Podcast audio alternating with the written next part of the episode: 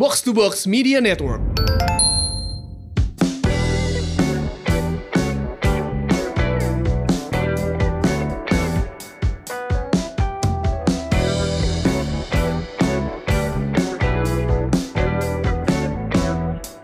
Halo Semurian, kembali lagi di Podcast Semur, Sehat dan Makmur. Podcast yang akan ngajak kamu untuk sehat jasmani dan makmur finansial bersama saya, FX Mario. Tapi saya nggak sendiri, ada teman saya. Hai, saya Ligwina Hananto. Halo, halo Win. Hai Mar. Sehat-sehat Mar? Sehat, sehat. Ya, I'm doing okay. Lagi agak sedih, tadi gue baru dapat kabar ada teman meninggal. I saw your post. Iya, Iya, iya, iya, iya, kecelakaan iya. ya? Kecelakaan. Dan lama dirawat ya? ya dari kejadian hari hari eh, 11 hari yang lalu gitu kan hari Minggu gitu weekend eh, kita dapat apa pagi-pagi dapat kabar eh, dia kecelakaan dibawa ke rumah sakit koma di hari ke-11 he didn't survive kita udah sempat galang dana gitu karena ternyata asuransi kesehatannya itu tidak men, apa eh, nggak mengcover semuanya gitu kan Hmm. Eh, dia, dia WNA dia WNA dia sebenarnya orang Malaysia Oke. di Indonesia. Jadi dia tuh punya asuransi, eh, gue gak tahu asuransinya gimana, tapi kita cuma dapat kabar bahwa tidak mengcover semuanya. Jadi kita yang kenal-kenal dia menggalang dana gitu kan. Ya, ini eh, kayaknya nggak sekali dua kali ya kita dengar Ya. ceritanya ketika orang sampai harus mendapatkan perawatan kesehatan ternyata nggak di cover semuanya. Gue kan eh, keluarga gue tuh habis kehilangan banyak banget keluarga Ya, gue juga baca tuh. dan 2021 gitu ya pada Mhm. saat lansia mulai divaksinasi kok ya bertumbangan gitu gue benar-benar yang mixed feeling banget tapi beyond that adalah abis itu eh, biaya rumah sakitnya gimana ketika Ya. memang confirm covid hmm, sebagian besar sih ditanggung sama pemerintah ya yang gue Ya. tahu Uh, Ya. dan uh, keluarga gue tuh dirawatnya juga tidak di rumah sakit swasta tapi memang rumah sakit rumah sakit rujukan covid tapi Mhm. kan ada yang sesudah sembuh covidnya terus uh, komplikasi tuh mar Ya, ya, ya, ya, ya. jantung lah, ada yang kanker Ya, lah, ya. ada yang apa. Nah itu kan perawatannya tidak ditanggung dong sama pemerintah. Nah Temen gue ada yang jadi diabetesnya kambuh. sesudah itu, Sesudah itu, tadinya dia gak ada gejala diabetes, tapi setelah COVID malah jadi diabetes. ya so this virus is Ya. Is taking uh, a toll at our health kan. Nah yang menarik Ya, ya. adalah apakah kita punya perlindungan kesehatan yang cukup? Gak usah ngomong mumpuni, yang Ya, ya, cukup pada saat kita harus dirawat. Nah uh, kalau sakit tuh kan ada dua berarti ya, sakit yang lu bisa berobat sendiri, berarti Mhm. istilahnya rawat jalan nih kalau semurian uh, pada paham sakit ya. Kalau misalnya apa ya? Misalnya gue demam, Mhm. demam tapi gue nggak merasa badan gue ambruk ya paling Ya. kita minum, Minum obat. paracetamol kan Iya, iya, obat bebas. ada obat bebas yang kita bisa beli Hmm. sendiri administer sendiri nah itu rawat Ya. jalan kalaupun gue merasa ini nggak bener sakit em, pernah gue demam berdarah nih gue Hmm. pergi ke dokter disuruh cek darah terus kondisi hasil cek darah itu akan menentukan apakah gue akan diopnam atau tidak Ya. gue pernah demam berdarah yang harus diopnam tapi gue juga pernah demam berdarah yang dok saya mau di rumah aja boleh apa enggak bisa Oh, nah itu bisa. dua hal yang iya itu dua hal yang Oh. berbeda kan rawat ah, ah. jalan versus Iya. rawat inap. Iya. Uh, maka em, kebanyakan orang untuk rawat jalan nggak semua, tapi kebanyakan rawat jalan itu self administer bisa dengan berobat, istirahat cukup. Kalau memang penyakitnya nggak berat, bisa sembuh gitu. Rawat jalan aja ongkosnya nggak terlalu tinggi. Kalau penyakitnya yang Ah, standar gitu ya. Iya. Aneh juga sih sebenarnya istilah penyakit standar. Penyakit standar itu maksudnya ya. Nggak ada. Ah. Ya ini bukan istilah kedokteran lah, ini istilah Iya, manusia iya. lagi ngobrol gitu. Nah, Iya, yang satu lagi ketika lo harus rawat inap. Nah, ternyata waktu rawat inap ada macem-macem banget yang eh, harus dibayarkan mulai dari kamarnya, eh, kamar aja ada berapa kelas. Begitu si Ya. dokter yang eh, meriksa sama yang yang berkunjung itu beda lagi. Terus em, perawatannya sendiri sampai ke syringe-nya, sampai ke infus dan lain-lain. Belum obat-obatnya, belum kalau harus tindakan. Nah, itu tuh membutuhkan ongkos yang biasanya nggak sedikit dan ini sebenarnya alasan kenapa kita butuh cek masing-masing eh, perlindungan kesehatan kita kayak apa. Oke. Uh, Lu punya perlindungan kayak apa, Mar? gue punya asuransi gue punya dua satu eh, yang wajib memang BPJS gue beli Hmm. Eh, kedua karena gue tidak di bawah satu kantor apa pun jadi gue beli asuransi sendiri. Eh, gue beli asuransi kesehatan untuk rawat inap dan eh, kalau polisnya yang gue inget ini rawat inap dan penyakit penyakit yang eh, kelanjutannya gitu jadi kalau misalnya gue udah pernah rawat inap penyakit A eh, kontrolnya untuk kelanjutannya bisa gitu. Tapi kalau misalnya cuma rawat jalan untuk satu penyakit nggak bisa di cover. Gue Ya. jadi punya dua gitu. gue ada tentu saja di kantor di Kiam Financial karena gue Hmm. bekerja di perusahaan uh, gue sendiri. Uh, Ya. Kiam Financial tuh ada BPJS kesehatan yang wajib kita belikan untuk karyawan tetap. Ya. Habis itu uh, kita beli namanya group insurance. Jadi buat Hmm. teman-teman yang karyawan uh, periksa tuh ke HRD-nya kayak apa sih fasilitas kesehatan yang didapatkan. Uh, misalnya um, dulu suami gue kerja di bank asing ya. Kalau di Hmm. bank asing, jadi, dia pernah kerja di dua bank asing dan dua bank asing punya policy yang berbeda. Bank yang pertama, uh, level dia waktu itu apa aja asal ada kwitansi boleh di reimburse. Oke.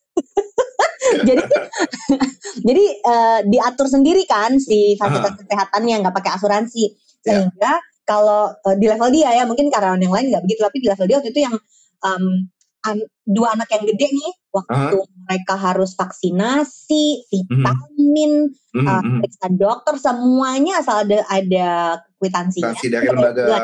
Kesehatan gitu kan. Nah, kesehatan kita masukin itu ke HRD dibayar Oke. Nah, waktu pindah ke, bank yang satunya lagi, bank yang kedua, itu dikasih kartu asuransi level Hmm, bagus, tapi nggak Hmm. semuanya bisa reimburse dong. Oke. Jadi um, kalau kita pergi ke rumah sakit, keluarin si kartu sakti itu nanti si pihak rumah sakitnya yang akan kontak ke asuransi dan bilang, Bu dari tagihan misalnya satu setengah juta, Bu ini ada tagihan satu setengah juta, vaksinasinya ada dua, obatnya ada dua, yang diri yang boleh ditanggung itu cuma yang mana sama yang mana gitu, sisanya gue harus bayar sendiri Hmm. yang financial bukan bukan level bank asing dong. Jadi kalau mampu kasih yang kayak gitu.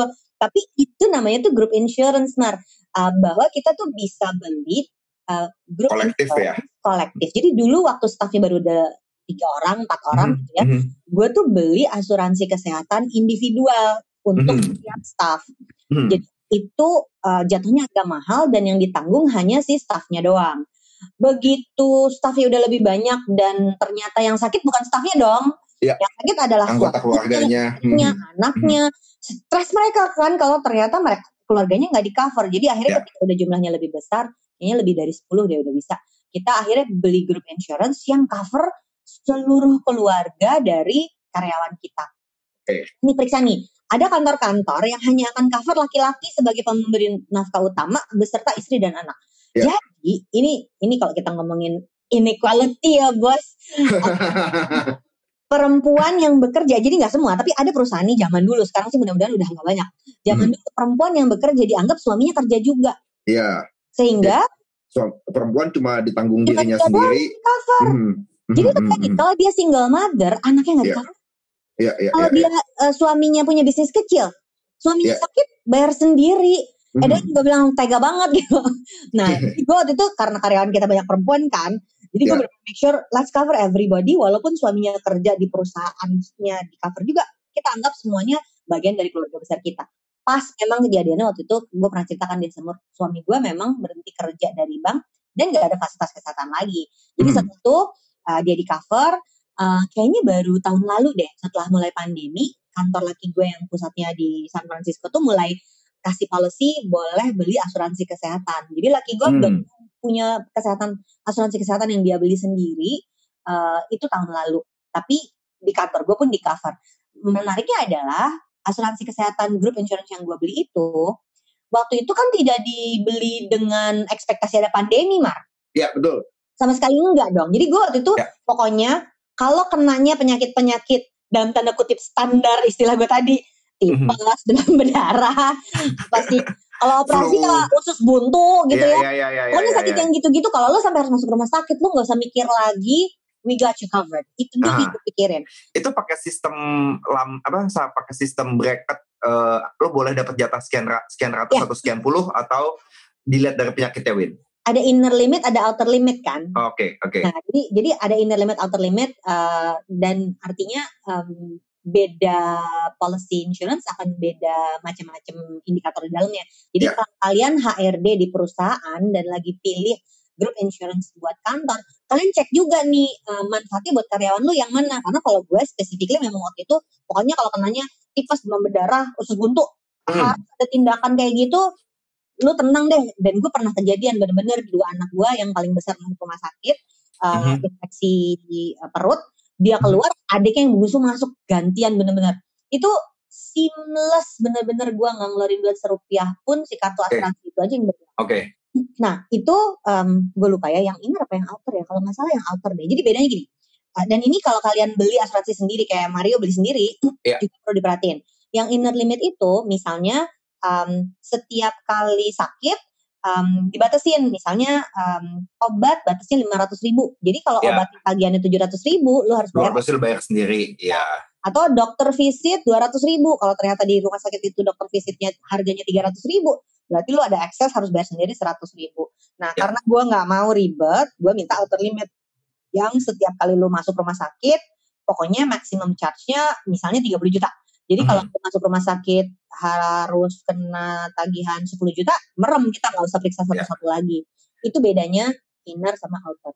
Itu pandemi nggak bisa, Mar. Ternyata harus di-review, Mar. Iya, gue juga begitu awal pandemi gue langsung langsung review ke agent gue kan. Agent. Eh kalau ini kan ada penyakit baru nih, nggak pernah nggak pernah ke nggak pernah ada di polis gimana? Oh tenang aja mar, Eh, nanti gue apa? eh, emang kita udah nyiapin update polis gini gini gini. Dia bilang pokoknya asal lu nanti di kan eh, jadi dia sistemnya agak dibikin sederhana. Yang penting gue masuk di rumah sakit sesuai kelas gue, entah sekamar dua orang atau sekamar sendiri gitu kan. Selama eh, setahun lu tidak melebihi angka sekian ratus Oh iya juta, ya, misalnya 150 juta gitu. Pokoknya Ah, ah. angka itu yang, di, yang dikunci. angka itu yang dikejar. Ah, Jadi jadi yang penting asal kelas kamar lu udah sesuai, mau dokter visitnya berapa, mau obatnya berapa, eh, kita bayarin. Selama plafon atasnya sekian gitu. Nah, si grup insurance gue karena grup insurance itu very tailor made Ya. kan by request dari perusahaan kan. Nah, eh, jadinya eh, yang tahun kemarin gue punya itu menurut gue masih kurang covid compatible. Oh, Yang tahun ini sama Mbak Vivi, inget Mbak Vivi kan ya, sama dong. itu Ya, gue begitu hari pertama kita eh, work from home gue langsung kontak dia Vi tolong di review ya kayak apa nah tapi baru ah, tahun ini nih kalau kayak nggak salah gue perpanjangan asuransi itu Mei kita Ah. akan upgrade beberapa fitur di dalamnya karena ternyata eh, yang bikin asuransi grup itu jadi sangat murah itu bayar mungkin untuk berapa orang ya pokoknya eh, tim gue ber berdua belas kalau nggak salah plus pasangan dan anak-anaknya itu nggak nyampe 70 juta Hmm, untuk orang sebanyak itu. hmm. Uh, tapi ternyata ya karena dibikin um, preminya rendah, ada batasan dong. Misalnya um, obatnya ternyata ada batas sekian gitu. Ya. Nah, kayak waktu kita ngobrol sama Yasha kan, yang Hmm. kena COVID, ternyata yang bikin mahal dari perawatan COVID itu adalah obatnya, bukan kamarnya, bukan dokternya, bukan tindakannya, tapi si obatnya. obatnya ya ya. ya. Apalagi banyak yang uh, trial error kan di awal itu mereka nggak tahu obat yang mana yang mau dikasih orang ini penyakitnya baru banget. Ya. Nah berarti uh, periksa yuk cek gitu, um, cek ke HRD, yang HRD cek ke asuransinya. Kalau kalian beli sendiri asuransi cek juga sama agennya. Ya. Update kalau sampai sakit apa yang kena karena Yasa kemarin um, dia beli asuransi kesehatan uh, unit link yang Mhm. cover I think 100% enggak, enggak 100% ya. Almost 100% dari uh, tagihan rumah sakitnya yang mahal sekali itu. Tuh unit link tuh Win. Anti unit link, unit link club.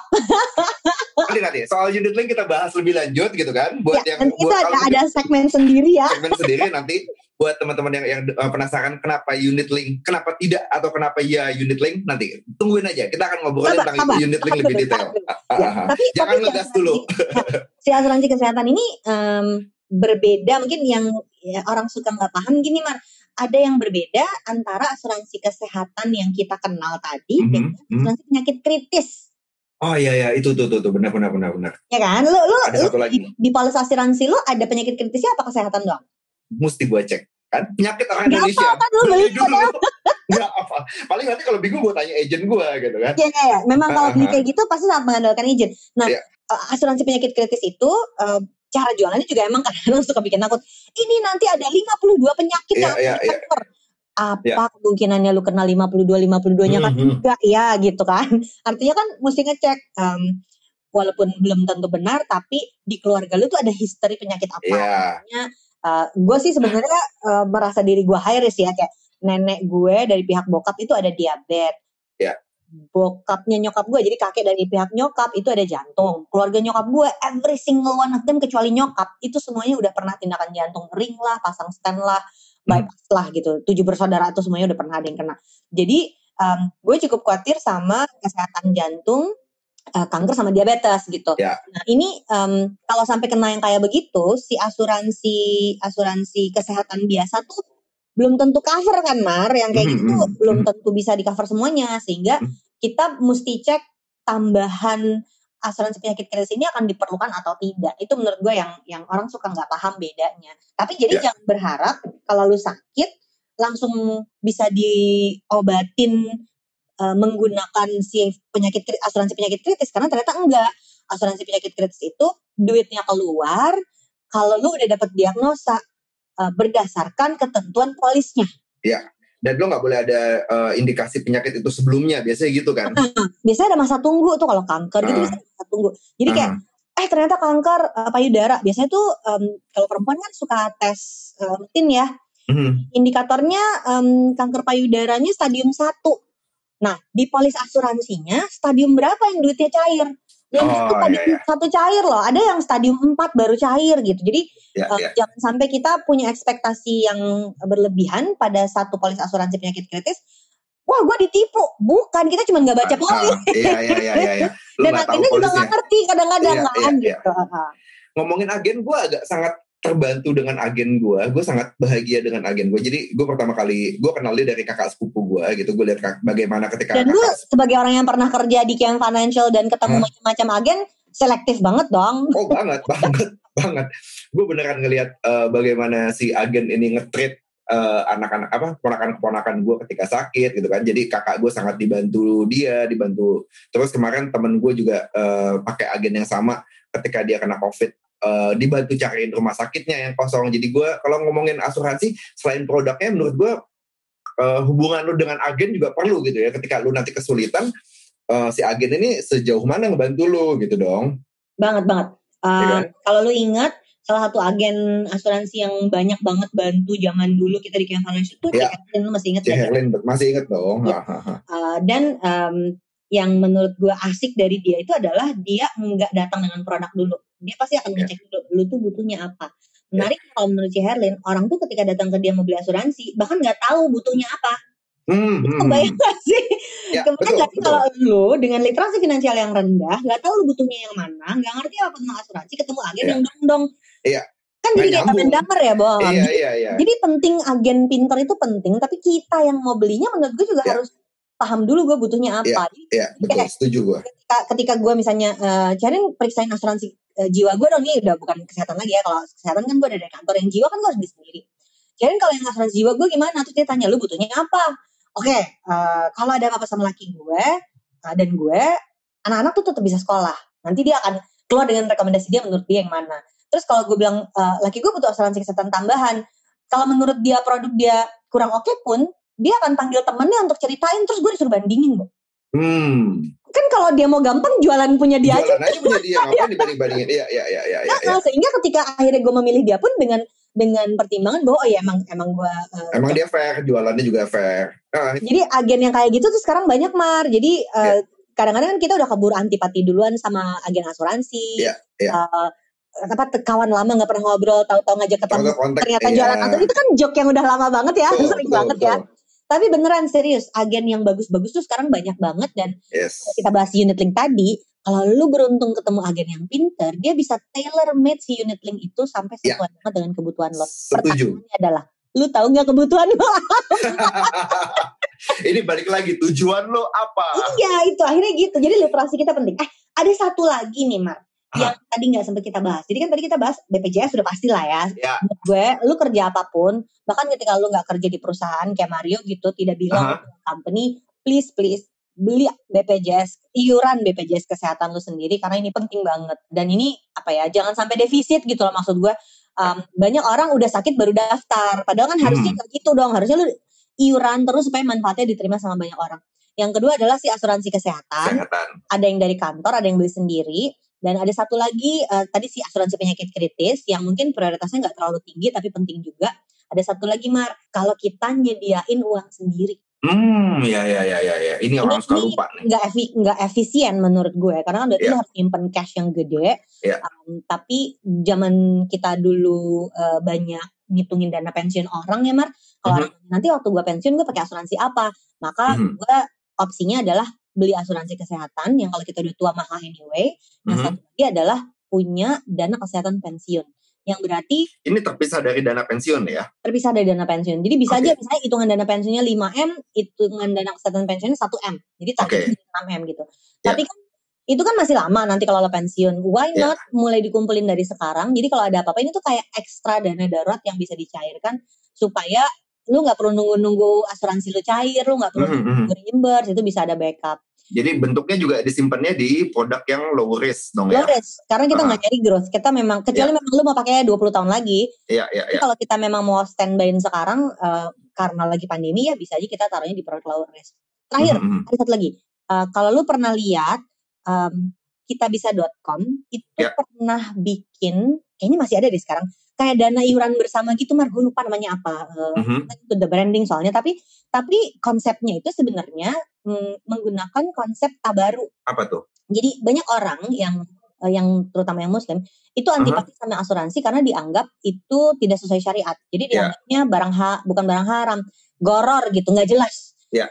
Ya kan, lu iuran kalau sakit lu dibayarin apa akadnya gitu. Nah, Hmm. ternyata di dalam Islam itu ada namanya tabaru. Tabaru itu basically lu iuran rame-rame, kalau Mhm. ada yang sakit boleh pakai uang iuran itu buat berobat. Kayak koperasi. Mirip koperasi tapi nggak ada return. Oh, oke, oke, oke, oke, Jadi oke, duit oke. Kayak arisan, Bo. Kayak arisan, kayak arisan. Kayak arisan. And that is such a brilliant idea gak sih? Kita Iya, iuran iya, iya. dan niatnya bener-bener iuran rame-rame buat kan yang penting niatnya dulu nih. Niatnya bukan Iya. untuk investasi. Niatnya memang iuran rame-rame kalau ada apa-apa bisa dipakai untuk berobat. Jadi Iya. kalau misalnya iuran gue 100 ribu, terus nanti ada yang sakit, uang itu kita relakan dipakai untuk berobat. berobat. Nah si Mhm. 100 ribu kita itu turun. Hmm. Jadi misalnya ada 10 ribu anggota yang iuran. Berarti si Hmm. 10 ribu, 100 ribu itu mungkin akan turun jadi 90 ribu, turun jadi Oh. 80 ribu ketika yang sakit tuh ngambil terus uangnya gitu. Diambil Kalau dulu. iuran Ah, kita tinggal 50 ribu, kita harus top up. Oke. Something like that. And I think that's such a brilliant, brilliant idea. Bisa ditiru dong kalau Iya. kita punya misalnya keluarga besar, Iya, iya, iya. ya iya. kan? Iya. Atau em, kalau kalau mbak gue dulu em, ada orang Tegal, dia iurannya buat bangun rumah. Bisa juga iya ya kan tergantung tinggal, nah. tinggal lo, lo pakai buat apanya aja duitnya ya. Iya, jadi iuran, jadi basically sebenarnya kan dasarnya arisan ya. eh, Iya, dasarnya cuman- arisan. Cuman nggak ada pemenang. Jadi kalau arisan kan Hmm. harus cair nih. Ini enggak. Ada yang sakit baru dicairkan. Akhirnya berdasarkan kebutuhannya dia mendesak eh, butuh duit apa enggak gitu kan, Ya, bukannya dan bukannya waktu. ini menurut gue sangat universal. Silahkan dicontek, digunakan di komunitas masing-masing. And I'm sure pasti banyak komunitas yang masih komunal yang kumpul rame-rame terdekat keluarga besar. Jadi eh, misalnya eh, gue bersepupu gitu ya. Hmm. Agak banyak gue bersepupu. Anak gue sepupunya udah nggak banyak, tapi gue bersepupu agak banyak gitu kan. itu kalau ada yang sakit salah satu kan kita harus tolong menolong juga anyway Iya, kan. iya, iya, iya, iya, Why iya, not iya. dari sekarang kita kumpulin uangnya, terus kalau ada yang sakit itu bisa dipakai. Itu eh, contoh fasilitas-fasilitas kesehatan yang sangat membantu kita giliran ada yang sakit dan harus ada tindakan, jadinya kita nggak sibuk-sibuk pinjem sana sini, Mhm. jual aset, karena memang berlapis tuh. Ada BPJS-nya, ada asuransi kesehatannya, Asuransi ada asuransi kesehatan. dari kantor, Hmm. ada asuransi penyakit kritisnya, ada dana cash kayak ekstra dana darurat tambahannya, Ya. plus ada sih tabaru keluarga besar ini. Boleh dicoba loh. bagus bagus. Kalau gua mungkin kalau itu sistem gitu paling asuran apa eh, arisan di keluarga gua yang baru jalan kayak gitu. Persis. Nah. Mhm, mhm, mhm. Iya, iya, iya, iya. Oke, semudah itu tadi obrolan kita tentang kalau lu sakit, Mhm. lu akan berobat dengan cara apa? Ternyata ada macam-macam fasilitas kesehatan yang bisa disiapin dan menurut gua kayaknya untuk urusan fasilitas kesehatan ini lu punya lebih dari satu itu bagus loh, punya lebih dari tiga juga nggak apa-apa kalau memang lu berkemampuan dibikin berlayer. Kenapa ini penting? Karena kita harus kuat supaya bisa nolong orang lain. Jadi jangan Yes. lupain juga fasilitas kesehatan untuk orang sekitar kita ya, Mar ya.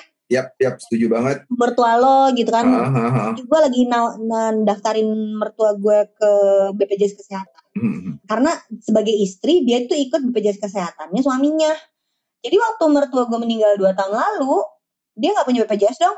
Ya, ya, ya, ya. Kita baru sadar itu kayak sebulan yang lalu. So, things like this jangan dianggap remeh. Uh, mari kita Mhm. bereskan. Um, semoga materinya bermanfaat. Saya Ligmina Hananto, bareng sama rekan saya.